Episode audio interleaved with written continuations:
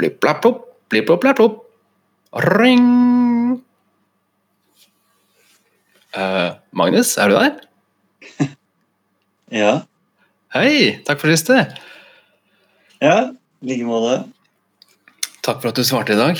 Uh, jeg vil først ønske deg velkommen på mitt, uh, mitt podkasteventyr.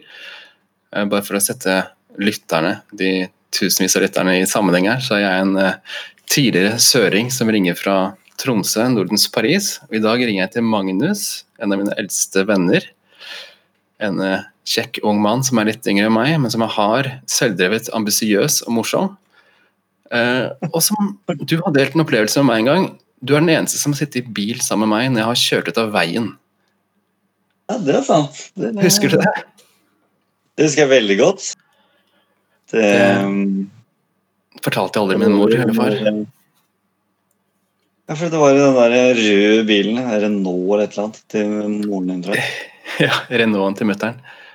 Det var Ja, altså, jeg hadde det- Mm. Det jeg husker best, er jo bare hun Selve utkjøringa var jo ikke så farlig, men eh, hun dama som kom, Ja, som hjalp oss opp. ja, hun var jo helt rå. Ja, for vi kjørte jo Jeg hadde ikke lært meg at man ikke kan gasse og svinge samtidig. Så vi kjørte jo ut på et jorde, og nesten så velta. Heldigvis velta vi ikke. Så kom hun dama bare 'Hei, trenger dere hjelp?' Vi sto og prøvde å dytte opp bilen opp på veien igjen. Det var helt umulig. Liksom, du var litt liten, og jeg prøvde å kjøre, og du dytter og bytta på. Jeg bare lok. Så kommer hun og bare 'Ja, ja, dytte på'. Så kom vi jo rett opp. Ja, Så og så, og så greia var at hun bare Hun fiksa det, og så bare Ja. Og det var det, liksom. Da bare dro hun. Det var liksom ikke noe hun gjorde det hver mandag.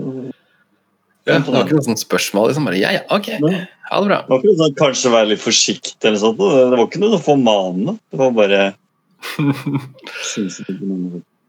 Nei, Jeg tror ikke jeg har møtt hun dama før eller, eller etter, egentlig.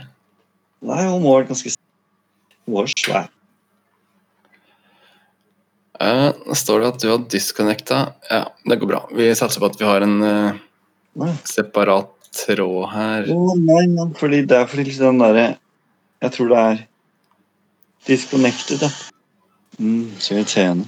Det er fordi at når den jeg tror nesten, Hvis jeg skal bruke den NUCast, så tror jeg jeg må være på PC, fordi eh, Ja. Når den der Nei, låsen det her går på fint. mobilen La oss eh, bare glemme Jeg, jeg tar opp to spor, så jeg satser på at det ene sporet er, eh, er greit. Ok, jeg skjønner. Ja, for den derre nøkkelen Altså når noen bilen eh, Det går jo sånn automatisk lås på. Da Ja, ikke sant. Det er litt loka. Um, ja, uh, har det skjedd noe game der i siste, forresten? Eh, jeg har hatt ferie i fem uker, da. Det var jo veldig gøy. Eh, Jeg begynte på jobben den mandagen her, men Ja, Samme som meg. Jeg har også hatt fem uker. Hva tror du? Det er så deilig å ha Full. Ja, det er det, altså.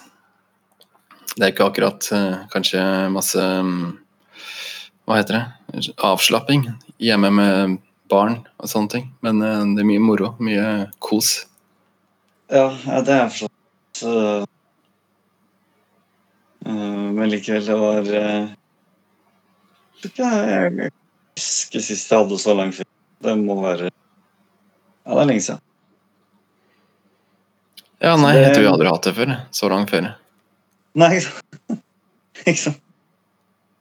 Ja, nei, så da var jeg jo Planen var jo egentlig at vi skulle ha den podkasten her før, men det var jo ikke så lett, fordi jeg var jo relativt på farten, og så var det Kjørte gjerne en del bil og sånn på kvelden, så det var ofte Ja, du bra. omfavna norgesferien til det fulle. Ja, virkelig. Jeg har jo vært eh, Altså, jeg har hatt eh, vært mye i Sogn og Fjordane. Fram og tilbake, eh, hit og dit. Eh, og på hytta. Det Mm. var sabla fint. Det var fire ganger sånn til og fra hytta på Hemsedal. Fordi jeg måtte gjøre det ene og det andre. Så, så jeg følte Jeg var egentlig fem uker borte fra der jeg vanligvis bor, da, her i Oslo. Så det var ganske deilig. Ja, nice. Jeg har vært fem uker i Tromsø. jeg. Hatt det sykt digg. Veldig lokal Ja, ferie. Jeg For det er så bra vær der. Okay. Ja, det har vært litt opp og ned, men de siste to ukene nå også veldig, veldig bra. Forrige uke var det helt fantastisk. Var til bada. Bada med Alma, min lille nurk. Hun har kosa seg så fælt med vann og oppdaga det skikkelig i år. ass. Fått Jeg føler Alma er. Hæ? Bading. Er Anja, Ja, dattera mi, litt skeptisk? hun er eh, Ja, til bading, ja. ja. Mm. Liker best å vasse. Ja, det har vært mest vassing i starten, og så kjøpte vi sånne baderinger til henne. Og så var vi på Tromsøbadet her, og da plutselig sånn, å, svever hun rundt i vannet og svømmer og er blitt helt bare på en dag. Så bare Jeg var helt blitt helt rå. Det gikk så sykt fort. Jeg er imponert. Så det, det har jo ikke jeg gjort. Det er kanskje Gå på et bad. Ja, det er litt digg. Det er ikke så kaldt og sånn. Nei, ikke Litt kontrollert også. Så kan man kjøpe is i pausene hvis man blir lei. Mm.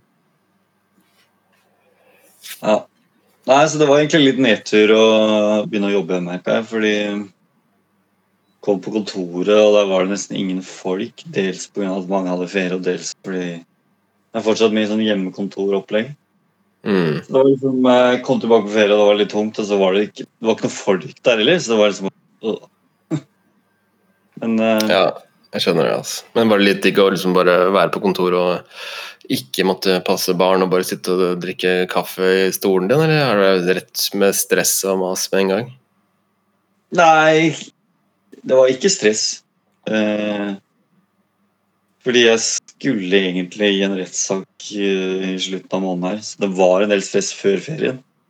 Men Mm. nå ligger det an til å bli utsatt der pga. noe, noe greier utenfor min kontroll.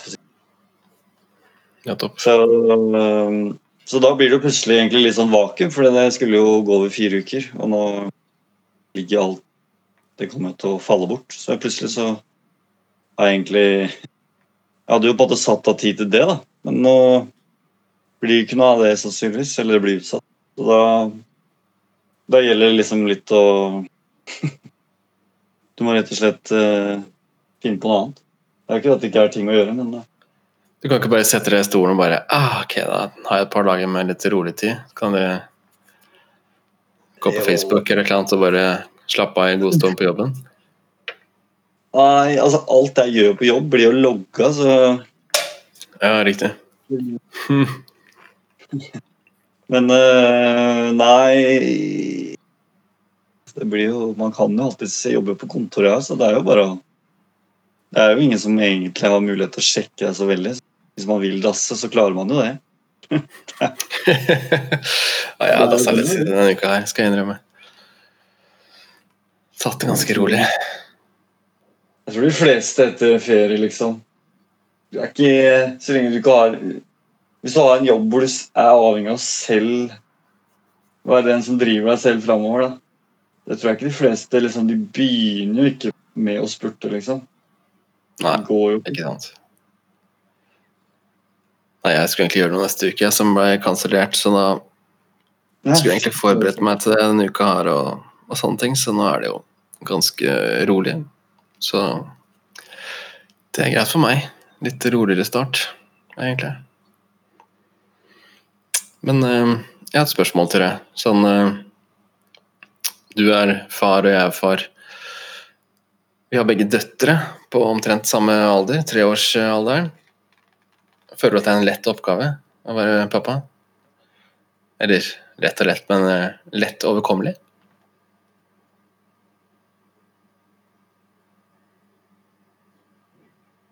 Mm, hallo? Er du her? Ja, nei, jeg tenker. Ja, Altså, ja, okay, okay. det er ikke sånn at jeg umiddelbart sier at eh, ja, det er lett, men det er jo ikke sånn at det det skal alltid være et slit heller. Det går, jeg synes det går veldig opp og ned. mm, Altså, det er liksom noen perioder så er det jo Så er jo alt eh, vanskelig til tider, liksom. Det er fra første stund så er det liksom å krangle på alt. Men jeg syns jo egentlig i det siste så har det vært ganske greit. Altså altså, Anna begynte på storbarnsavdeling nå på, på mandag, Ja. og det har jo det har jo gått som Det har gått helt smertefritt. Det var liksom Jeg var der i fem minutter eller noe på mandag. Så det var greit. Og sånn har det vært. I dag er det onsdag. Ja, herlig, da. Ja, det er ganske deilig, egentlig. Så ja, Hva syns du? Nei, altså, ja, også Min eh, lille Alma-mor har begynt på som mellomavdeling nå, så har gått opp et tak og endra base. Gått til en base som heter Jupiter. Vi har snakka om det mye i sommer og sånn. Hun er veldig klar for det, og det har gått veldig bra. Ikke noe problem. Den sosiale barnehage og sånn, sånne ting fungerer helt fantastisk, egentlig. Og generelt sett så går det veldig bra. Det er eh, veldig ålreit. Så er det liksom opp og, liksom, det er mye, mye endringer hele tiden. Man merker liksom sånne endringer i hennes eh, vekst og personlighet. eller liksom Mm. at Nå er vi på en måte inne i en sånn endringsfase, merker man. på en måte. Og så bare ligger det rolig en stund, og så er det en ny endringsfase. Jeg Nå har det vært litt sånn endringsfase nå i det siste med mer sånn egenhet og liksom Hva skal man kalle det? altså Ikke sånn forferdelig, ikke noe problem egentlig, men mer sånn motstand og bruke gråt for å liksom eh, få vilja si og gjøre rampestreker som er mer eller mindre ålreit og, og sånne ting. Og en ting som er litt vanskelig, syns jeg, er liksom det her Altså, jeg kan, jeg kan fint på en måte bruke humor og fjas for å på en måte deflekte mye av det hun driver med, og liksom få henne til å bli blid igjen. Men å få henne til å lære liksom ting, når hun gjør ting som er galt, liksom da. Hvordan være streng, men ikke liksom slem, eller ikke sånn at liksom hun bare føler at jeg bare er dust, og bare reagerer med gråt. Og liksom sier fra tydelig, men ikke så mye at hun liksom bare skjøtter helt ned. Den balansen der har vært litt vanskelig i det siste, syns jeg. Ja, det høres Hva skal jeg si Hele nøkkelen i oppdragelsen. Å klare det. Det er jo Det er jo det det handler om, liksom. Mye. Fordi Du hører meg nå, eller? Ja, jeg hører det. Jeg var bare Du kan Ja, fordi- definitivt ut men jeg tror det går greit. Ja, det er fordi Altså, hva skal jeg si Når ting er greit, så er jo alt greit, og da er det jo bare hyggelig, og man kan finne på Når du liksom får den derre Og da kan du jo forklare ting og Ja, ja, ja. Så når det da virkelig skjærer seg, og liksom det er dårlig oppførsel, da Mm. du bør jo på en måte ikke bare Du bør jo egentlig gjøre noe, på en måte, eller markere at det her er ikke greit. Men så er jo det, Noen ganger så er det lett å bare bli sint også, fordi du blir så frustrert. da. Eller blir så Ikke sant? klarer liksom å heve deg over det. fordi det, det kan jo være Det er jo en del bevisst provokasjon. Det er vel på en måte en del Ja, ja, absolutt. Så Det er, Men- på en måte Styre sinnet sitt og sånne ting, det er jo alltid liksom, Prøve å på en måte være rolig og ikke bli overreagere sånn, det er alltid utfordrende, men det tenker jeg det går greit, liksom. Men det er vanskelig den der med å markere tydelig, men ikke for tydelig. For eksempel hvis hun driver og liksom tuller og fjaser og kommer liksom voldsom og tar ta brillene mine og stikke fingeren i øyet mitt og liksom ting som gjør skikkelig vondt, liksom. og så bare sier du fra, og så fortsetter hun, og så liksom bare tar du tak i armen hennes. Ganske sånn brått, da. Ja. Så liksom, det er ikke sånn at jeg har liksom skada henne, men det var brått for henne, Hun var liksom skremt. Og Ja, da liksom blir hun redd for meg, ikke sant? Begynner å gråte skikkelig. liksom, Er du redd for pappa? liksom, altså, Ble du, ble du lei deg fordi at jeg var skummel, liksom? Ja. Og da er den der Å, faen, altså, Jeg, jeg vil ikke være skummel, jenta mi. Jeg prøver bare å si ifra. Og, liksom, og hun skjønner jo ikke at jeg skal forklare det. ikke sant? Så det blir den derre å, å si og gjøre det der riktig, det er utfordrende. Det, det går vel greit, men jeg merker at det er ikke noe gøy at hun blir liksom redd eller over eh, At det blir skummelt, liksom. Nei. Nei. Nei, ikke sant. Jeg syns noen ganger så er det lettere hvis det blir sånn fastlåst. da. Så kan det være lettere hvis, eh, hvis jeg og Charles er eh, hjemme begge to, da, eller er, er der samtidig. så kan det jo være litt sånn scenebytte, nærmest, liksom. At noen andre kan gå inn og liksom si Mhm. mm. Det kan jo på en måte løse noen ganger. Så jeg har ikke alltid det funker eller annet. Nei, jeg har alltid lyst til å fikse det sjøl hvis det er på en måte som er i situasjonen. Vi, vi ordner, blir ferdig med det sjøl, mellom oss to, liksom. Ja, Men, eh, nei, men altså, hun er jo også en røver, ikke sant? så det er ganske morsomt for å drive og ta sånne ting fra kjøkkenbenken som hun ikke veit du ikke skal ta, og så gjemmer hun den i sofaen eller et eller annet sånt noe. Og så, så er det jo det er jo aldri vond vilje. Ofte så kommer hun på en måte tilbake og så bare 'Pappa, mangler du noe?' Og så er det, ja, der er den der eh, litt tingen du egentlig ikke burde løpe rundt med en saks eller noe som hun fikk tak i, liksom. Og bare, ja, ok, Hun sier ifra, i hvert fall. liksom. Og I går så bare Plutselig så kommer hun til meg og bare hi-hi. Og så bare 'Se der, pappa'. Så hadde hun stjålet solkremsprayen og bare spraya sånn dam på gulvet bak sofaen. Noen som har fått tydelig beskjed om at de ikke skal ha solkrem overalt. Og da er liksom øh, Begynner bare å le, ikke sant. For det er jo bare sykt morsomt. Hun bare helt åpent, åpne kort spiller liksom Her, det har jeg gjort. det er artig. Jeg tror kanskje det som uh, kan frustrere meg mest, det er sånn der eh, Anne er sånn Hva hun skal ha på seg. Det er helt sånn Hun skal den buksa og planlegge nærmest dagen før. Um, og den kjolen og alt skal jo være rosa helt opphengt til greiene. Og så uh, kan det bare sånne små ting som bare plutselig blir feil, altså bare da Det er jo typisk om morgenen, ikke sant, ha litt dårlig tid. Hvis det Mhm. der, der blir gærent, da blir halv Det blir shutdown, liksom, og du sykler til barnehagen med hun gråtende i baksetet, eller hva enn du gjør for å komme deg dit. Ja, ikke sant, for jeg har liksom ikke så Jeg syns ikke det er så viktig, for å si det sånn. Da. Så jeg tenker liksom at ja, herregud, det er bare å få på deg noen klær, og så drar vi, liksom. Så Ja, det, det kan være ganske slitsomt, men eh, Hva skal jeg si? Jeg føler liksom det er, jo- det er liksom personlighetsgreie òg, liksom. Det er bare sånn Ikke at jeg, og Charles står og doller oss og sabler mye hver morgen. Og liksom kommet opp med litt selv òg. Altså, som i dag, da. Så hadde Det var regna skikkelig. så Hadde blitt våt på Jeg husker ikke om det var buksa eller den der kjolen. Jeg tror det var buksa. Jeg mener ikke Og så ble hun våt på buksa, men fordi hun ble våt på den buksa, da måtte hun bytte Så hun måtte bytte bukse. Ja, det var bukse. Da måtte hun bytte bukse.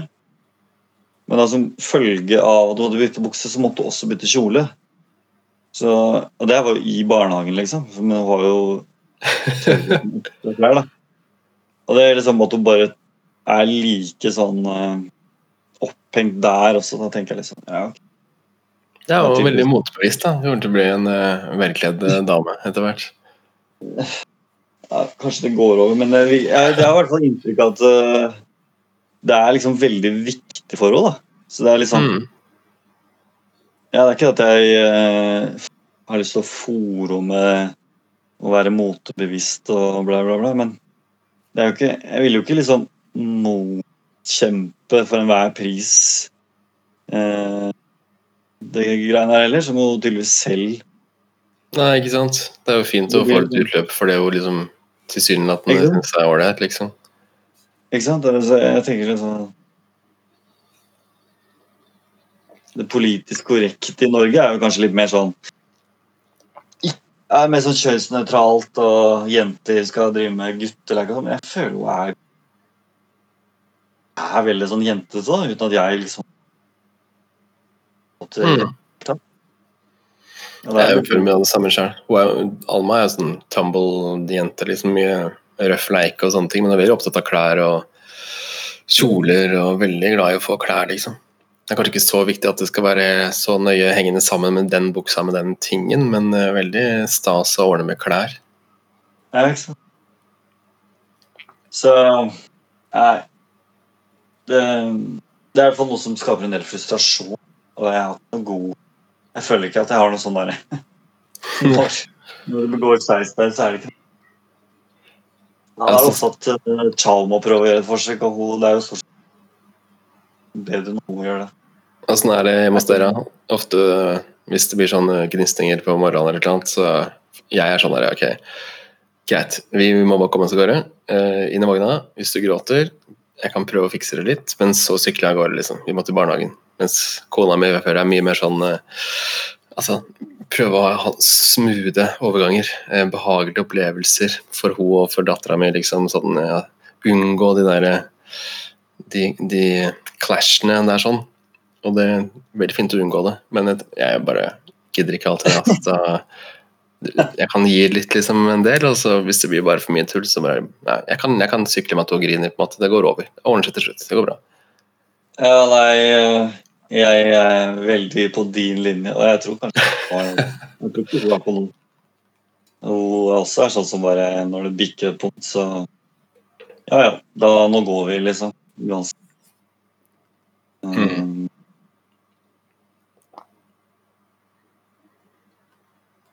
Ja, jeg skjønner. Det men ålreit. Um, jeg vet ikke, har du tenkt noe i siste på noe som um, har gitt deg uh, undring eller irritasjon? Ja, jeg har det. Jeg har et uh, punkt som har irritert meg Ok. i det siste. Og det er den derre nye Altså, det fins helt sikkert et ord for det, jeg vet ikke hva det er, men En sånn uh, øh, Altså, det var jo noen kunststudenter på kunstskolen som hadde et innlegg nå hvor de bare. Hva er det som skjer med skolen vår? Det er jo helt eh, Hva skal jeg si? Det er, det, det er ikke lov å mene noe annet eller å stå for noe annet enn visse type meninger og standpunkter. Og så lenge du ikke på en bevisst aktivt til enhver tid jobber med det her som sånn nærmest litt sånn Litt sånn som eh, Uten sammenligning for øvrig, da, men under kulturrevolusjonen liksom, at du må, mot, du må liksom bevise at du ikke er eh, tilhører høyresiden. da. Eh, det er liksom noe du liksom, Ja. det, det er godt Det er godt eh, Altså, det er jo bare import fra en del sånne amerikanske greier, og jeg syns helt det irriterer meg skikkelig. Og eh, jeg vet ikke, altså jeg tenker på det, jeg husker jo jeg fikk en liten sniff av det på Blindern. og jeg husker Det var en sånn der, det var under okay. Hilde Henriksen Våge inviterte en sånn der Palestina Nei, det var en sånn Palestina-debatt. Eh, og så inviterte hun en en sånn hva skal jeg si, En veldig polariserende type fra Jeg tror han var forsker. Mulig han Jeg tror han var forsker fra Israel. da. Israelsk Ja. Mm. Som jo hadde veldig ytterliggående standpunkter om eh, Mm. Midtøsten-konflikten og Israel og Palestina, bla, bla, bla. Uh, og det var liksom Da var jo hun Hindle Henriksen Våge hun skulle være moderator i den debatten, men hun klarte jo ikke det. Hun, for det var jo så veldig tydelig at hun mente at alt det han sa, var feil. Så hun gikk inn i en sånn motdebattantrolle, selv om det var jo en slags motdebattant der også. I tillegg til at hele salen der også var det jo var jo opplest å vite at du du måtte være på, måte, på palestinsk eh, side, da, hva nå engang det måtte bety. Ja, nettopp. Det var sånn Det var så forbanna idiotisk, fordi Hva skal jeg si? Det var en sånn setup, nærmest, for å liksom bare Ja, det er ikke sånn det burde være på et universitet, da, tenker jeg. Altså, det var jo Da er det jo hele poenget. Det er jo liksom meningsbrytning og, og på en måte å ha en åpen person, da. Mens det der var bare sånn derre Ja, det var ikke et eksempel på det. Men eh, altså, det er kanskje liten på siden. Men Nei, jeg føler at alle de greiene som har vært i siste, så er det på en måte det er eh, for refererer du direkte til eh, å- opp, altså et, en innlegg i Morgenbladet sant, fra fem studenter som refererte til eh, to andre opprop på Kunsthøgskolen i Oslo Hvor man ønsker seg mer trygghet og mer representasjon blant minoriteter, og mindre sexisme, mindre rasisme osv. osv. Ja, og så blant annet var det at man, hadde, man krevde et kunstverk eh, tatt ned. Mm. Og det var sånn der Tuller du med meg? Altså, det er på Kunsthøgskolen så skal du på en måte ha noen sånne sannhetskommisjoner og sånn. Altså, det, det høres jo bare helt Ja, altså jeg, jeg hadde Jeg, jeg har satt meg jeg, jeg driver mye og leser på de tinga der. Jeg har gjort det lenge, egentlig. Eh, Så jeg har fått med meg det her, jeg også. Jeg vurderte å ta det opp, men jeg vet ikke om jeg orka å gå inn i hele diskusjonen. For man kan drukne så inn i detaljer på hva som egentlig er hva i den eh, debatten der. Jeg har også vært engasjert Ja. i noen debatter eh, på Facebook om det for et par uker siden, og det er liksom Ja, ok. Øh, Det er jo ganske slitsomt etter hvert. Så jeg har på en måte sympati for liksom, altså, saken på mange måter. Men det er, liksom, det er vokabularet først og fremst som jeg ikke orker helt. Når man snakker om sånn Altså Man bruker ord som er veldig henta ut fra den amerikanske diskursen. og Det er ikke noe i veien med det utgangspunktet, liksom, men det er sånn fremmedgjørende. Og så er det og vokabular som er veldig i den der antirasistiske, anti hva enn så kaller det, som interseksjonal feminisme, kritiske studier osv. Den type amerikansk studentpolitikk som liksom blir bare klippa ut omtrent og stappa inn i norsk kontekst. Og det blir så fremmedgjort. Så er jeg, så klart, jeg er en hvit, eh, hvit, hvit mann, eh, så hva vet vel jeg. Men Ja, eh, du er privileged, du kan ikke si noe. Liksom. Jeg er bare sånn, åh, jeg Ja. dør. Jeg, eh, jeg syns det er Selvfølgelig. Det, det blir jo sånn svart-hvitt. Det er Det jo absolutt masse i det. Liksom for eksempel det Black Lives Matter-greiene. Herregud, det er jo masse å ta tak i. Det er jo ikke det jeg mener. mm, Men det er en sånn Plutselig skal det være en sånn derre Det er noe totalitært ved det. Det er det som er poenget. Ikke sant? Det skal Mm. være en sånn utrenskning. Altså, for eksempel, eh, det var jo et forslag fra en eller annen ungdomspolitiker. Han skulle, han skulle rive statuen av Winston Churchill i Oslo. Det Ja. ikke an. Det går ikke an. Det er, helt sånn, er du helt idiot? Sånn, ja, selvfølgelig. Det er nok av ting å liksom kritisere han for. og Absolutt sikkert riktig at han var rasist og masse dårlig mening på han. Men likevel, det blir noe sånn historieløst og helt sånn derre ja, Jeg syns det bare blir latterlig. Ja, jeg synes at det for eksempel er liksom Det er et typisk eksempel på at man tar noe fra USA, altså noe fra Sør-Afrika også, og klipper inn i norsk kontekst. For det blir en del av en internasjonal bevegelse. Man har hatt liksom masse demonstrasjoner på universiteter i Sør- i Sør- i Sør-Afrika og i andre afrikanske universiteter sikkert også, hvor man skal ha bort statuer av Cecil Rhodes, sant? Den store engelske imperialisten som liksom dominerte over Afrika. Det er forståelig liksom, i et, et, et svart, svart afrikansk land. Og i USA så har man masse statuer av sør... Hva heter det, sånn Confederacy-soldater fra sørstatene. Og mange av de statuene er satt opp etter borgerkrigen var ferdig. Som en slags sånn historierevisjon hvor man setter opp helter som egentlig var forrædere. Som er sånne nåler inn i liksom sida på svarte mennesker liksom i 200 år, liksom. At man Ja, okay. der vil rive ned de statuene, er, er mye mer sånn forståelig. Altså bare Ja, ja, ja. eskalerer det ikke sant? til å bli på en måte en internasjonal bevegelse. og Ja, det blir totalitært, men altså, det blir sånn derre Så ja, ensporet. ref- ja, ikke sant? Rift det jeg sa med liksom eh, litt den derre Ja, det er ikke direkte sammenlignbart, men det er litt den derre eh, den totalitære tankegangen som i hvert fall jeg kjenner litt fra eh, kulturrevolusjonens greier. da? Det, Mhm. det, blir jo bare helt latterlig. ikke sant? Du skal For der også var det jo samme greiene. ikke sant? Du skulle dra opp til den fjerneste liggende tempel og brenne det det måtte være av sånne gamle Mm. var ikke bra fordi et eller annet vis. Eh, det, ja, det er det absolutt det. to- Totalt. Ja, nei, altså Det er liksom mye med altså det, Vi er en del av en eh, masse diskurser, ikke sant? En narrativ som foregår på ulike sånne linjer.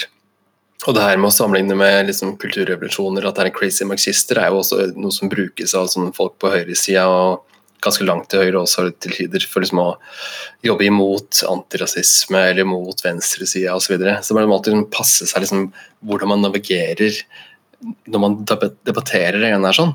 Fordi det er ikke liksom okay. det er ikke noe poeng liksom, for meg liksom, å si at alle liksom, eh, som er antirasister er liksom, eh, marxistiske gærninger, liksom. At det er en saus med idioter. Men det er liksom Man må kunne påpeke det. At det er sånn, litt sånn autoritære trekk, og i hvert fall sånn mobbkulturtrekk. Én tanke skal gjelde. Og det syns jeg gjelder både med å snakke litt om uh, sånn Altså sexisme, rasisme, og så trans-saken. Ja, ja, ja. Det blir ofte Mm. utrolig vanskelig å liksom eh, mene noe eller snakke om det på en måte uten å, å bruke det riktige vokabularet. Og sier man det, så blir man helt sånn ah, du er bare privilegert eller et eller annet. Og liksom Ja, ok, bla, bla, bla. Greit. Det, man, er, man er jo det. Jeg lider jo ikke Det er på en måte verdt å tenke over det òg. For jeg lider jo ikke Jeg er jo ikke verken svart eller homofil eller transperson. Så jeg. Jeg har rødt hår, det er sant. Det er et godt poeng. Jeg har lidd noe her i livet. Nei, altså, man, man, man kan være litt bevisst da, at det er ting jeg ikke føler på kroppen. Og det, kan, det prøver jeg på en måte å tenke over når jeg på en måte prøver å navigere i det feltet her. sånn. Men jeg slipper ikke unna følelsen av at det er noe som er litt gærent med hvordan vi holder på. Man snakker om at liksom, rasialiserte studenter på Kunsthøgskolen blir retraumatiserte av å se det kunstverket hengende på veggen. Ja, den setningen er bare What the f... Altså, at det, det, den setningen her er ikke nødvendigvis måte, hovedpoenget i den, det store brevet de har skrevet, da, som ikke var referert til den saken der i Morgenbladet, liksom, men det er fortsatt en del av det språket. Sånn, 'Å nei, jeg er retraumatisert.' Altså, skolen, du må beskytte meg mot verden, liksom. Så hva er det utdanningsinstitusjonen vår skal liksom gjøre? Det, vi skal ikke liksom vi skal ikke videreføre rasisme og undertrykkende institusjoner. Det er greit, men liksom, det er heller ikke en sånn cuddling eh, kosehus, liksom. Nei. Og så, ja, ok, skal man være forsiktig med liksom å trekke sånn paralleller til eh, en eller annen historisk liksom, men, men jeg mener jo det, det, det argumentet går jo like mye liksom, Du kan jo like mye si at ja, det er totalitært, det, og det, det kan du også si om på det ytre høyresiden er Og totalitær, den også. Der også er det jo bare aksept for en viss type så det, det, Jeg vet ikke, altså jeg mener jo på en måte Mm. det er jo ikke sånn, det er egentlig sånn høyre-venstre-akse gir ikke så mye mening når du på en måte kommer til det der ekstreme, for da er det bare det er én tanke som gjelder, da, uansett. Uh, altså Du kan jo si ytterst høyre så er det mer sånn den absolutte eh, eiendomsretten, for eksempel, da, ikke sant? Altså at uh, du skal kunne Mm. gjøre hva som helst med det som er din eiendom, Mm. eh, og alt annet er feil. Eh, det også er jo en sånn totalitær tanke, eller sånn rasegreier. Men Ja, eh, og- ja, så det er noe som har irritert meg skikkelig. Eh, jeg, jeg har ikke giddet å lese om det, men det bare stiger inn både fra her og der. altså at man så, Nei, det, jeg prøver på en måte å stå litt i det. Både fordi at jeg er litt opptatt av det, og fordi jeg, er, jeg føler at det er noe som skurrer litt. Både når det gjelder på en måte det her i sam, samfunnsdebatten, og også når det gjelder i, i akademia, liksom, hvor man snakker om sånn eh, avkolonisering eller decolonization av academia. Hvor man liksom Hva betyr det? Nei, ikke sant? Det er det jeg prøver å finne ut av litt. grann. Eh, det betyr mye for forskjellige folk, men det har vært en debatt på nå i Norge i løpet av noen år. Så kommer jo den debatten kommer fra det store utlandet opprinnelig, liksom. Men det handler jo i stor grad om å liksom, eh, altså, Med positive øyne så handler det om å være mindre eurosentristiske i kunnskapsinnsamling og analyse og på en måte formidlinga og åpne opp for at det finnes alternative stemmer som kan si mye fornuftig om historie, f.eks., eller samfunnskap eller litteratur, eller whatever. Og at det ofte er på en måte, som man sier, da, det hvite mannens blikk som er liksom determinerende for eh, hvordan historie blir fortalt. Men det er ikke bare historien. det er liksom, De snakker jo om eh, matematikk og fysikk, eh, litteratur, historie, kunst, whatever. ikke sant? Det her går utover hele det akademiske feltet. liksom. Og Utfordringen for meg er på en måte hva, hva betyr det å åpne opp for alternative måter å liksom drive vitenskap på? Altså, De som er forkjempere for det, vil jo ikke si at de er på en måte åpner opp for liksom at uh, eh, alternative sånn, sjamanister skal tolke været på lik linje med meteorologer. på en måte. Men det handler om uh, at det finnes kunnskap vi ikke ser med våre øyne. Og det er jeg jo helt enig i. Altså, det er mye man ikke veit. Man alltid har mer kunnskap. Hvis man underviser i Martin Luther f.eks., så er ikke han bare den store teologen som forandra norsk kristendom og europeisk kristendom. Han er også en antisemitt, ikke sant? en tyrkerhater osv. Det å på en måte ha kunnskapen om at det er alltid mer å vite om ting i historien, det er veldig bra. Det er jeg helt enig i. Men jeg, jeg, klarer ikke helt å få tak i på absolutt hva det er. for De sier ikke det. De, de sier ikke på en måte bare det klassiske historiefaget har jo ofte jobba mot eurosentrisme og prøvd å se mer på sosiale historie hvor ikke, man ikke har snakka så mye om før, f.eks. kvinner og ikke-representerte, liksom ikke-mektige folk. Så Det har man jo drevet med i historiefaget lenge. Men man snakker om mm. dekolonisering og snakker om hvit liksom, white supremacy, hvit makt og de, de klassiske sånne taglinesa, liksom. Så vi er liksom var på hva vi egentlig skal fram til. ja, jeg mener, altså Vi bor i Norge. Det er naturlig at først så Hvis det er f.eks. historiefaget da, eller litteratur for den jeg tenker, altså, Det er jo helt selvsagt at vi skal ha størst uh, måte, kunnskapsinnhenting i vårt eget uh, nærområde. Hvorfor skal vi drive og forske på hva som skjer på Tasmania eller Madagaskar? Mener, ja, det, det, er det som er greia. Ofte er det f.eks. norske uh, sosialantropologer som er på Tasmania. Uh, så det er de norske sosialantropologene, eller engelske eller tyske, eller whatever. Det er de som formidler hva tasmanerne mener om verden. I stedet for at det er tasmanske stemmer selv som forteller oss hva de mener om verden. Da, eller et eller annet sånt noe. Og, og det jo, kan jo være interessant inngangsport. Ja, det kan jeg jo være enig i, på en måte. Altså, det høres jo det høres jo litt utdatert ut, på en måte. men er det sånn i dag? Altså, Har ikke verden gått videre? Liksom? Jeg, har ikke peiling. Jeg, jeg aner ikke hvordan. Nei, altså sånn internasjonal akademia så er det jo fortsatt litt sånn altså, Det som er på en måte sett på som elite, er jo fortsatt amerikanske, engelske, tyske universiteter, franske. Og ikke liksom ting i, i Afrika eller Asia og sånne ting som er på en måte eliteuniversitetene. Så det, ja, hegemoniske synet blir jo der. Hm? Men det, det, altså, de er jo best, i universitetene du nevnte nå. så ja, ikke sant. Det er også Norge. Norge er jo ikke akkurat det hegemoniske liksom, i, i, verdensklassen. Men um, i de, teorien er i hvert fall at det er den, den hvite, vestlige akademiske tradisjonen oppsto i Europa, og i, den, i, vår vestlige kultur. At vi på en måte fortsatt har liksom, dominansen over hvordan ting skal forklares og forstås osv. Uh, og det kan jo være litt sånn i at liksom, hvite, et hvitt blikk ikke så lett ser relevant kunnskap blant uh, svarte eller uh, whatever det skal være. da. Så hvis ja, det, betyr, betyr, betyr, mer kunnskap, så er det jo fantastisk. Alltid mer kunnskap, mindre ignoranse. Det er jeg for. Det, ja, enig. Altså, helt, altså, det er jo et veldig ikke omstridt standpunkt, tenker jeg. Altså, Hvem er ikke enig i det? Ikke Men så blir det sånn men så blir det sånn Men hvem skal hvem skal stå for den kunnskapsinnhentingen? da? Hvem skal innta de perspektivene? Vel, jeg tenker Da er det jo ikke naturlig at det er europeere og amerikanere i første gang. Da er det, da er det de andre da, landene eller verdensdelene som kanskje ikke har hatt så mye av den kunnskapsinnhentingen fram til nå. da. At de kom mer på banen. Altså, Uh, blir det ikke mer sånn, altså? Nei, altså, det er jo Skal vi Jeg skjønner liksom ikke det er jo det som er litt av tanken, men, men jeg vet ikke helt, egentlig helt hva som er tanken. Jeg driver og leser et sånn 50-siders dokument nå fra er det SIA, studentorganisasjonen i Oslo, som jobber for mye forskjellige ting og tang. Er det SAI? S-A-I-H i Oslo de som han ga en 20 kroner til hvert semester. vet du. Ja, vi skulle ga penger til det, men jeg har aldri helt For de har lagd en sånn dokument om liksom avkolonisering av akademia.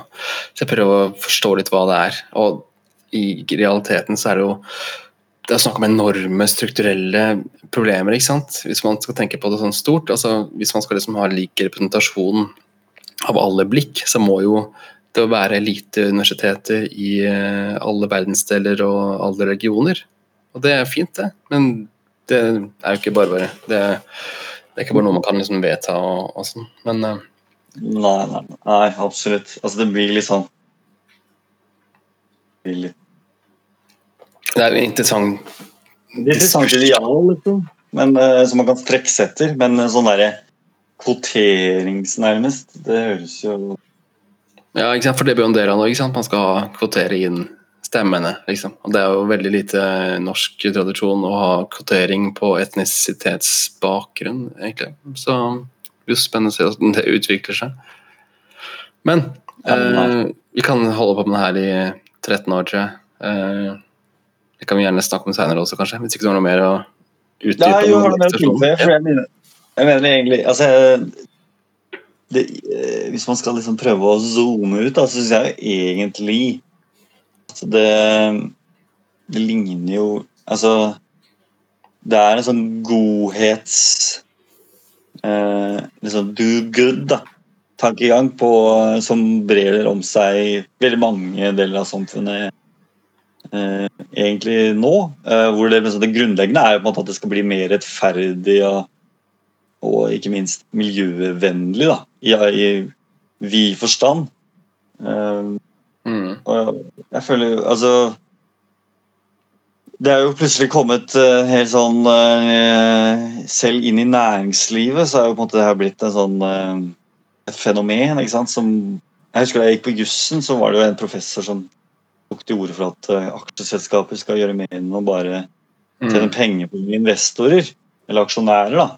De, har, de har en oppgave også utover det. Og så ble jo det en, en diskusjon mellom hundene Beate Schauffele heter hun, og Trygve Hegnar. Hvor Hegnar var jo bare Det var vel i 2012 eller noe. Kan jeg gjette? Hegnar! Han er ikke interessert i det.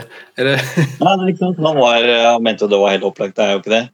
Det er liksom Det eneste det handler om, det er jo det og så har du jo nå skrudd fram i dag, da, så er jo plutselig Det her har jo fått en sånn merkelapp ESG, Environmental, Social and Governance. Det Ja, kommer inn i her, andre så heter CSR er det jeg kjenner til, og SRI. Ja, det kan du si er liksom litt social responsibility. Det er jo på en måte Mm. På sett og vis er det, det er litt forløperen til eh, den der ESG-fenomenet, vil jeg si. Selv om det er jo på en måte altså Corporate social responsibility det er jo litt altså, det er absolutt samme, samme greie. Du skal liksom du skal gjøre godt, da. du skal i hvert fall ikke gjøre ondt. eh, Eller i hvert fall prøve. Um, og eh, poenget mitt er at det er mye bra med det. Og jeg, i min jobb, handler jo veldig mye om å liksom prøve å håndheve sånne regler som skal på en måte sikre at virksomheter handler på en god måte. Da, ikke sant? Eh, Mm. Forsøk på det, da.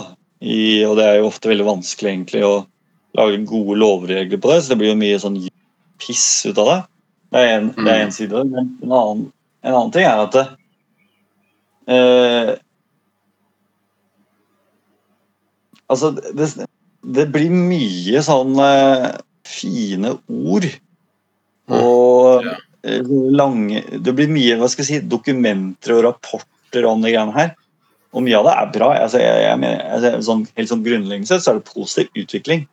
Men det, er, det slår meg likevel som uh, Mye av det er Det er mye i Det er mye ord og lite i praktisk handling. Altså i konkrete gjerninger. Det er mye mer sånn derre uh, Fine rapporter med stilig design og litt sånn grønt på. Um, Ja. Hvor man da i litt sånn svevende ordlag, og litt da på samme måte som den derre Ja, nå skal vi dekolonialisere akademia. Altså, jeg har ikke helt Jeg fikk en slags krasjkurs av deg nå, men jeg har ikke helt skjønt det. Men, men du får likevel den der Ja, ok, greit, den. Helt konkret, når du Mhm. sitter på kontoret ditt, hvordan skal du gjøre det? Eller for den saks skyld, ok, når eh, Equinor pumper opp olje De lever av å pumpe olje. Equinor. Det er så tåpelig navn. Likhet i nord. Vi er oljeselskapet som skal redde verden, eller whatever. Ja, ja det, Equinor det er en egen diskusjon. Det er mye å si. Men eh, ja, nei, så, eh, poenget mitt var egentlig bare at jeg føler at det, det er eh,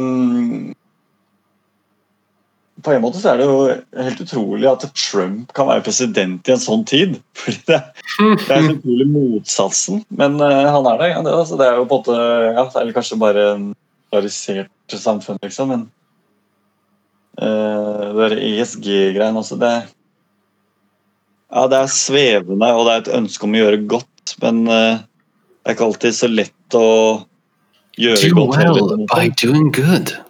Ah, ja, du kan både tjene penger og gjøre noe bra for verden.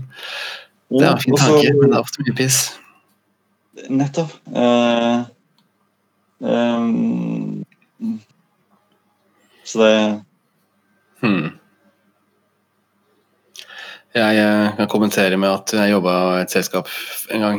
Det var ikke noe stort selskap, men eh, det jobba jo med etikk og miljø. Og da var jeg jo inne der i CSR og Corporate Social Responsibility og Social Responsible Investment og alt det greiene der.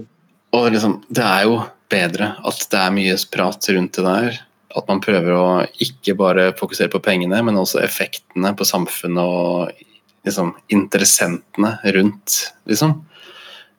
Men eh, det jeg egentlig bare landa på for min egen del, er at det er bare pisspreik. Og det man burde ha, er internasjonale regler som hindrer at man utnytter urfolk og brenner i skog og forurenser på stor basis.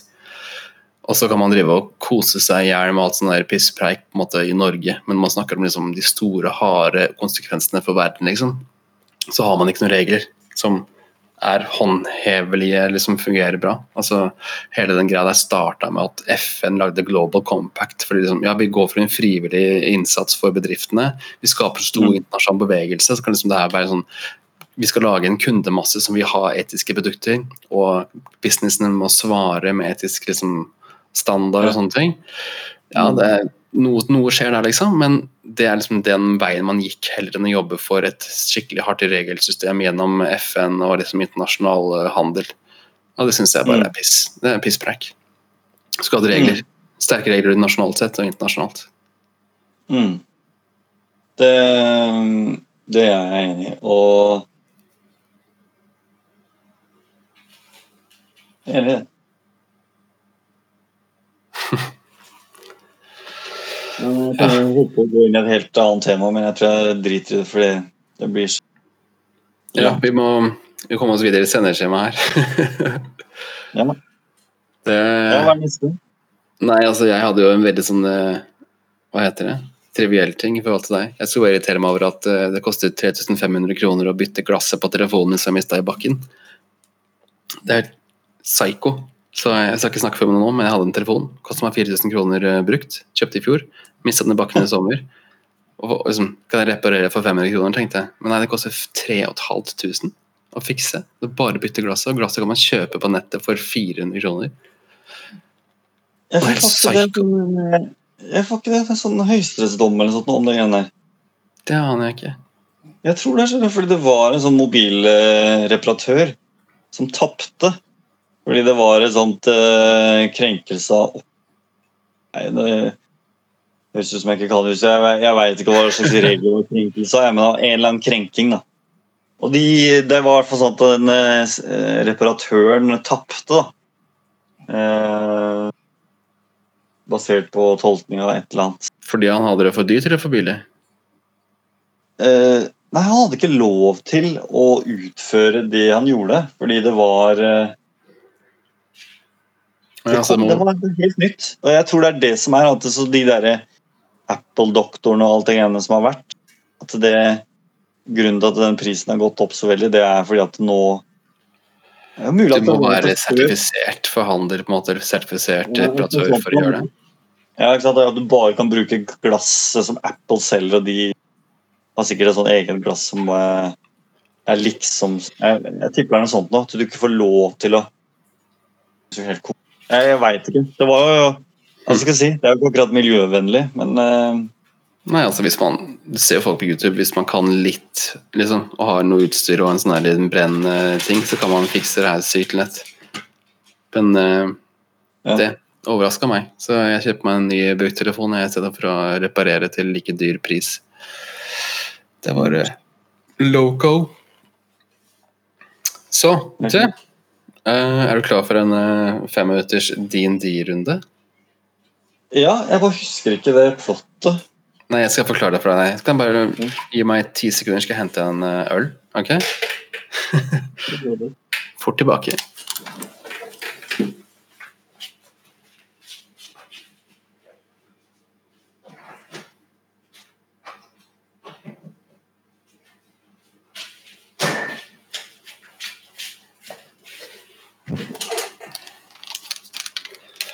Sånn. Viktig å ha litt uh, god stemning her når man skal spille rollespill.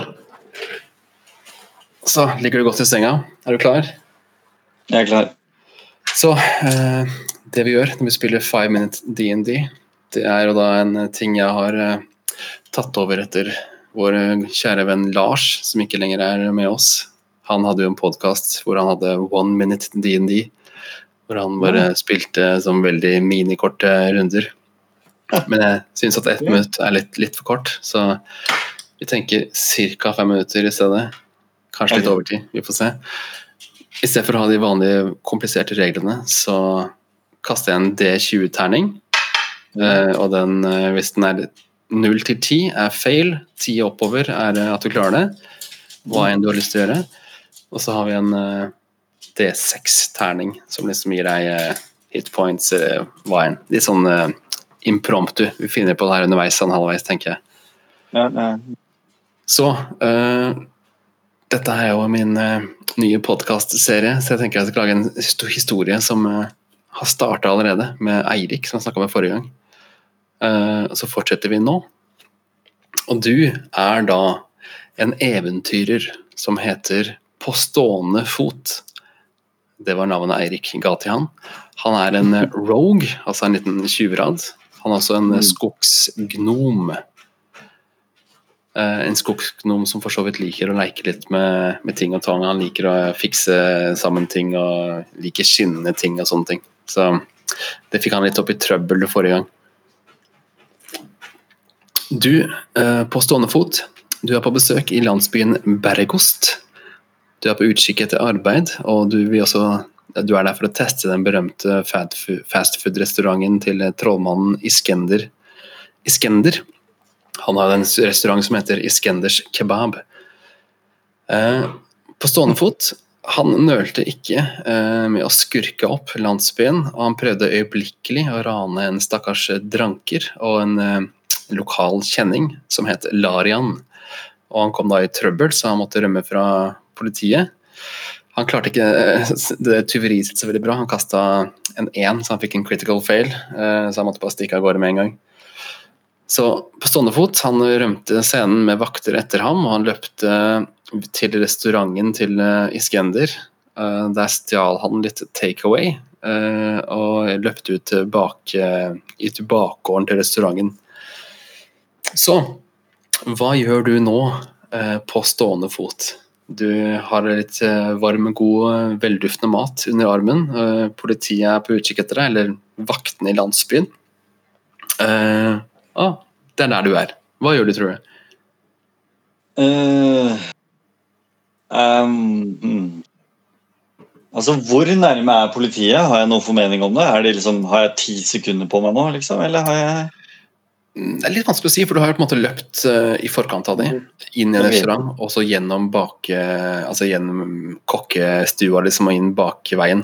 Så det er ikke sikkert du klarer å finne deg med det første. Eh, Jeg tror du klatrer opp på nærmeste liksom, tilgjengelige tak. uten at det, det, er, altså det Hvis det er et eller annet område, det er et, et bygg hvor liksom Det er en eller annen bakvegg på en måte, som det ikke er masse vinduer. Jeg prøver å klatre opp der, så det er liksom kan spise den kebaben i ro og mak. Du skal alltid klatre opp, du. Det minner om tidligere gang vi har spilt sammen. Uh, vel, du, du klatrer, Det er på en måte sånn, litt sånn gjerder i bakgården der. Er, det- du kan på en måte gå ut på veien, eller så kan du klatre opp på gjerdet og så opp på nabohus. Det er mange sånne fine, gamle trehus som henger uh, sammen. Uh, så du kan liksom løpe litt av gårde og finne deg en lite krypinn eh, under sånn Hva heter sånne gamle stråtak, og, og spise maten din. Da gjør du det. Eh, Ja. Um, du sitter her og spiser og koser deg. Uh, du er litt skjult på en måte av taket og skyggen og sånne ting, så du ser at uh, nede på bakken så går det vakter litt fram og tilbake og prøver å, å finne deg. 'Har du sett han der røveren? Hvor var den?' Ja, han var inne på restauranten.' Men han var ikke der nå lenger, han er borte. Ok, fortsett. Uh, de finner deg ikke nå med det første. Så du sitter bare og, og slapper av. Du spiser opp uh, maten din. Du syns ja. den var uh, meget god. Um, jeg spiste jo kebab Ja, nei, nå hopper jeg ut av det igjen, men jeg er glad i kebab. det, det jeg tro på. Foretrekker du uh, kebab som er sånn du spiser liksom med, med en gaffel, eller sånn rullekebab-ting? Rull. Okay, det er dette rull, eller? Dette var en rull. med magisk krydder. Fikk jeg med sånn yoghurtdrikk. Jeg har fått sans for det. Sånn der, ja, hva heter det? En sånn, eh, sånn indisk yoghurtdrikk? Jeg syns du får på kebabsjappa. I sånn der eh, lysegrønn farge. Nei, nei, ikke sånn lassi. Ikke mango lassi. Ikke nei. Nei, nei, nei. Den er salt. Salt yoghurt. Tynn salt yoghurt. Jeg har fått det. Det er helt forferdelig, syns jeg. Jeg syns det er dritgodt til kebab. Det er mye greier. Ja, har jeg det, eller? Ja, jeg spiste i Oslo for lenge siden. Han tipsa meg om det hvis det var veldig sterk eh, mat jeg kjøpte. Uh, ja, du fikk med sånn liten sånn der um, Akkurat sånn Magic Potion-flaske på et med sånn hvitt innhold. Du har en flaske sånn. Deilig. Nyter du den flasken? Ja, det gjør jeg. Jeg skyller ned Så er kebaben sterk? Uh, den er magisk. Den er tilpassa perfekt den som spiser den. Altså, jeg foretrekker at den er sterk. Den er, er kjempesterk. Ja, nei, den må ikke være kjempesterk. For da nei, den, er, den er akkurat så sterk som du vil ha den, for den er magisk. Den er kjempebra. Ja, det er perfekt, for da, da, det er da den der yoghurt-potion kommer til uh, Det er da det blir mhm. aller best med for da, da får du den der kicket. Det er vel nesten litt sånn SM. Og, og så tar du ned med den yoghurten, og så er du klar for en ny runde. oh yes, Herlig. Høres bra ut. Mm. Så da. hvis jeg sitter her, så, så tenker jeg på at uh, det er lenge siden jeg har vært på horehus. Da er det horehus i bygda? Eller landsbyen? Uh, det er ikke noe sånn åpenbart reklamert. Du har på en måte vært i landsbyen i fem minutter, og du har allerede prøvd å rane en person og rana en restaurant. Så du fikk høre uh, fra han Darian som du rana, at det var et par sånne puber eller inns her i, i byen. Og det er naturlig å tenke seg at det i hvert fall kan være noen eh, eh frie frøkner på de stedene. Så hvis du går til den eh, Var det Ildvin eh, Ildvin inn eller et eller annet? Jeg kom, kalte det forrige gang. Så kan du kanskje prøve å gå til Ildvin inn. Ja, men før jeg prøver på det, eh, mm. er det noe jeg kan eh, og så ser jeg ut, liksom. Har jeg noen, eh, kan jeg gjøre noe grep for å se litt annerledes ut? Um, det ikke blir Altså Jeg ser for meg hvis, altså, hvis den altså, for, å helt, for å være helt ærlig akkurat nå, så er du en sånn uh, skogsgnom som kommer på en måte inn fra skogen rett inn i landsbyen. Uh, du har ikke akkurat kjøpt deg nye klær og sånne ting, så du har sikkert på deg en sånn der, type Frodo and Sam-kappe og en sekk. Eh, du har gått måte, med hodet fram, så du kan velge å ta liksom, eh, hetta på hodet eh, og prøve å skjule deg på den måten. Det er eneste muligheten du egentlig har. Jeg gjør det, men før jeg går ned Når er det blir mørkt her, da? hvor lenge er det til det blir mørkt? Du kommer liksom midt på dagen, så vil jeg si at klokka er rundt ett nå, da, så det er ganske tidlig fortsatt. Men uh, disse pubene er jo oppe hele dagen. Der. Men jeg tror faktisk, bare for å la ting sant, Folk blir lei av å altså Jo lenger tid det tar etter at uh, Jo lenger tid altså Nå er jeg liksom smart. Er jeg dum eller smart? Uh, du er vel, har vel en sånn uh, Er det low cunning det heter? Så du, vel, du har vel en evne til å på en måte vite hvordan folks basale instinkter fungerer. Kanskje akkurat særlig med tyveri og sånn, så tenker jeg meg litt om, eller? Mm -hmm. Ja. Du, hva, er det du tenker på å prøve å gjøre nå? Jeg tenker egentlig bare å, å, å ligge her og ta en siesta. Mm. Det høres bra ut. Vi kan jo bare til Vi kan jo bare kaste en, eh, en terning der. Eh, er det har? Hmm? Er det varmt? Det er en sånn frisk vår, tidlig sommer, tenker jeg. Ja, for jeg liker å kle av meg når jeg tar siesta. Det bare, jeg er både naken, men jeg har liksom bare den kappa over som en slags dyne. Så det er, det er sånn jeg gjør det. da. Du sitter på litt Så- sånn skrått tak da, under på en måte en sånn derre ting. Du kan prøve å kanskje klatre litt opp og finne noen planker å legge deg på, men det er ikke sånn veldig på behagelig. Ok, du prøver på det. Ok, du har en uh, glassportion du har drikket opp, du har klær du har tatt av deg, og du har lagt deg ned på en eh, pinne, basically. Mhm. Ja, eh, jeg tenker at eh, du legger deg ned for å slappe av litt, eh, for å kulen og la maten synke. Ja, Å sove. Målet er å sove. Ja, nettopp. Skal vi se Jeg bare kaster en terning for å se om du klarer å ligge stille, for det ligger jo ikke som veldig stabilt, egentlig. Har jeg kledd av meg? Ja, du har kledd av deg. Og du fikk ti, så det er veldig bra. Du klarte å deg liggende, så du ligger og sover eh, Ja, la oss si du har vært på reise før du kom hit og spist mat. Sover kanskje tre timer, da, så kanskje våkner i tre-fire-tida. Ah, Begynner å bli sånn behagelig ettermiddag, og du er klar for nye eventyr. da kler jeg meg på igjen. Og så tar jeg på meg den derre eh, Nå, nå kaster vi igjen såkalt passive perception, tenker jeg. Eh, ok, nei, ikke noe. Ingenting skjedde. Ja, du kler på deg. Og så um, er det sånn jeg Klarer jeg å gå Nei, nå må jeg ned på bakkeplanen igjen. da. Jeg må jo Jeg tar på meg den der eh, hetta. Så skal jeg prøve å komme meg til den eh, innen. Jeg husker ikke helt hva den het. Eh, Ildvin eh, inn. Firewine inn. Så jeg kommer meg ned på bakkeplan, har på meg hette, og så spør jeg rett og slett eh, Men så ser Tar du, jeg tar, du, tar du vare på den der glassflaska du hadde denne potionen i, eller eh, lar du den Ja, jeg hadde en sekk. Hadde jeg ikke en sekk? Du hadde en sekk, ja. vet du den glassflaska, den eh, bare, for, bare for å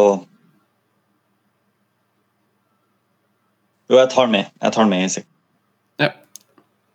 Ja, du hopper ned fra taket, og det klarer du ganske bra. Du er jo sprek til beins.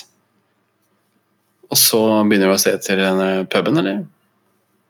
Ja, eh, er det noen i nærheten som jeg kan komme og spørre? Hvor er den der eh, Du hopper ned der hvor du er nå, så er det ingen. Eh, Det er tomt. Eh, Du kan fort gå rundt et hjørne og bare finne noen folk. Skal du gjøre det?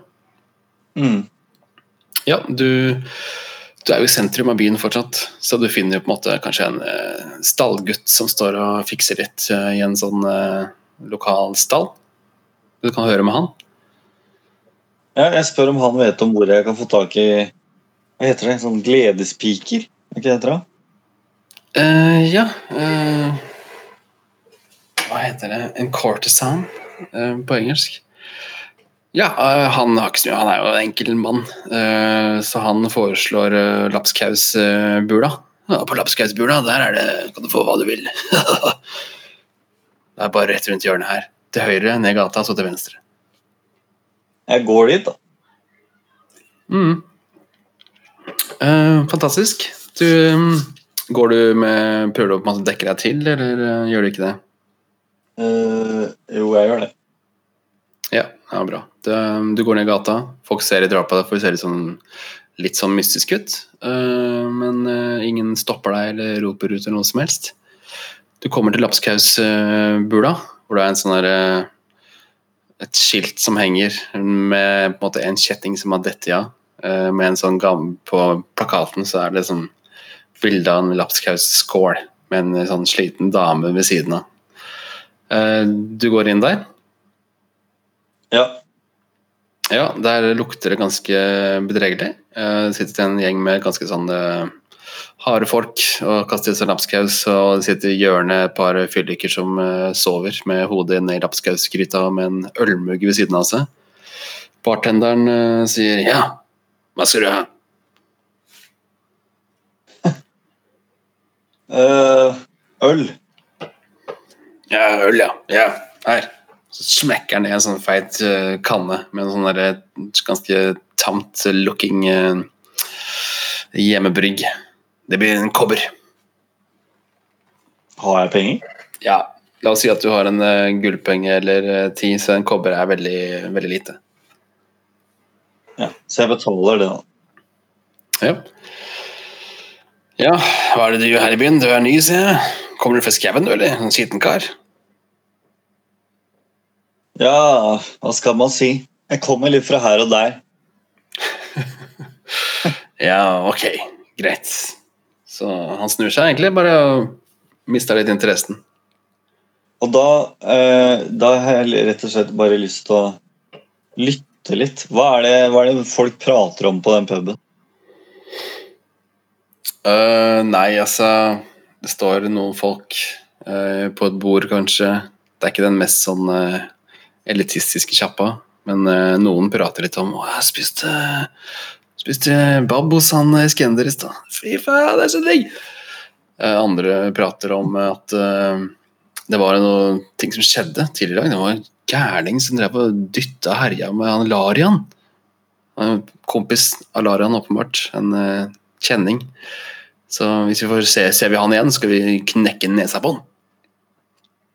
Og så er det kanskje et par damer, en dame som går eh, rundt i lokalet litt sånn og ser litt på folk og snakker litt sånn rolig og sånn med noen bord, og så går hun videre og prøver å oppsøke kontakt med de som er på baren. Mm. Uh, ja, kommer noen av de Jeg prøver jo å hinte da, for at noen av de damene skal komme bort. Ja. Hun, hun Olga kommer bort til deg. Ja, hei det, kjekken. Er du her for å ha det gøy? Uh, ja, sier jeg. Ja. ok. Bli med meg ut i bakgården her. Så hvis du har ti, ti um, kobberdaler, så kan jeg fylle opp dine skitneste ønsker. Ok. så kan vi spille det her ut i sin helhet. ja, men vet du, du, du og Olga går bak til bakgården uh, for å gjøre et eller annet. Så tror jeg vi kanskje kutter der. Um, ja, det er perfekt. Er det Sindre neste, eller? Jeg håper det. jeg veit ikke. Du prøver bare å sette opp andre folk, du, eller? ja, men jeg må i hvert fall avslutte med at det, det her eh, ja, Jeg syns det var meget pirrende, da, så jeg avslutter en meget pirret tilstand. Ja, ok. Du er titillated by the circumstances. Herlig. Ja, det er bra. Um, siste ledd i denne koselige podkasten vår, det er egentlig bare ukens uh, anbefaling, eller ukens uh, advarsel. Jeg vet ikke om du har noe, har noe der? Ja. Altså, anbefaling, er det noe som skal liksom Nei, det er bare sånn hvis du har lest en god bok, eller spilt et spill, eller du har begynt å trene, eller liksom whatever du vil anbefale i folks liv. Ja, øh, jeg vil anbefale også å svømme hvis man har muligheten til det ute mens det fortsatt er august. Det gjorde jeg i går. Jeg løp, så det var veldig hyggelig sammen med Mats og Gjermund. Og så mm -hmm. svømte vi ned på Søringa etterpå. Og da, selv om det var, liksom, det var bare sånn 20 grader i lufta, liksom, men sinnssykt deilig. For da, når du da løper, så er det jo, det er jo varm så når du hopper ut i vannet. Så er det jo bare sånn sporty, da. Ja. Varme i kroppen og avkjølende vann. Ja, det var rådigg, rett og slett. Nei, Oslo, altså. Det er så vakkert. Nydelig.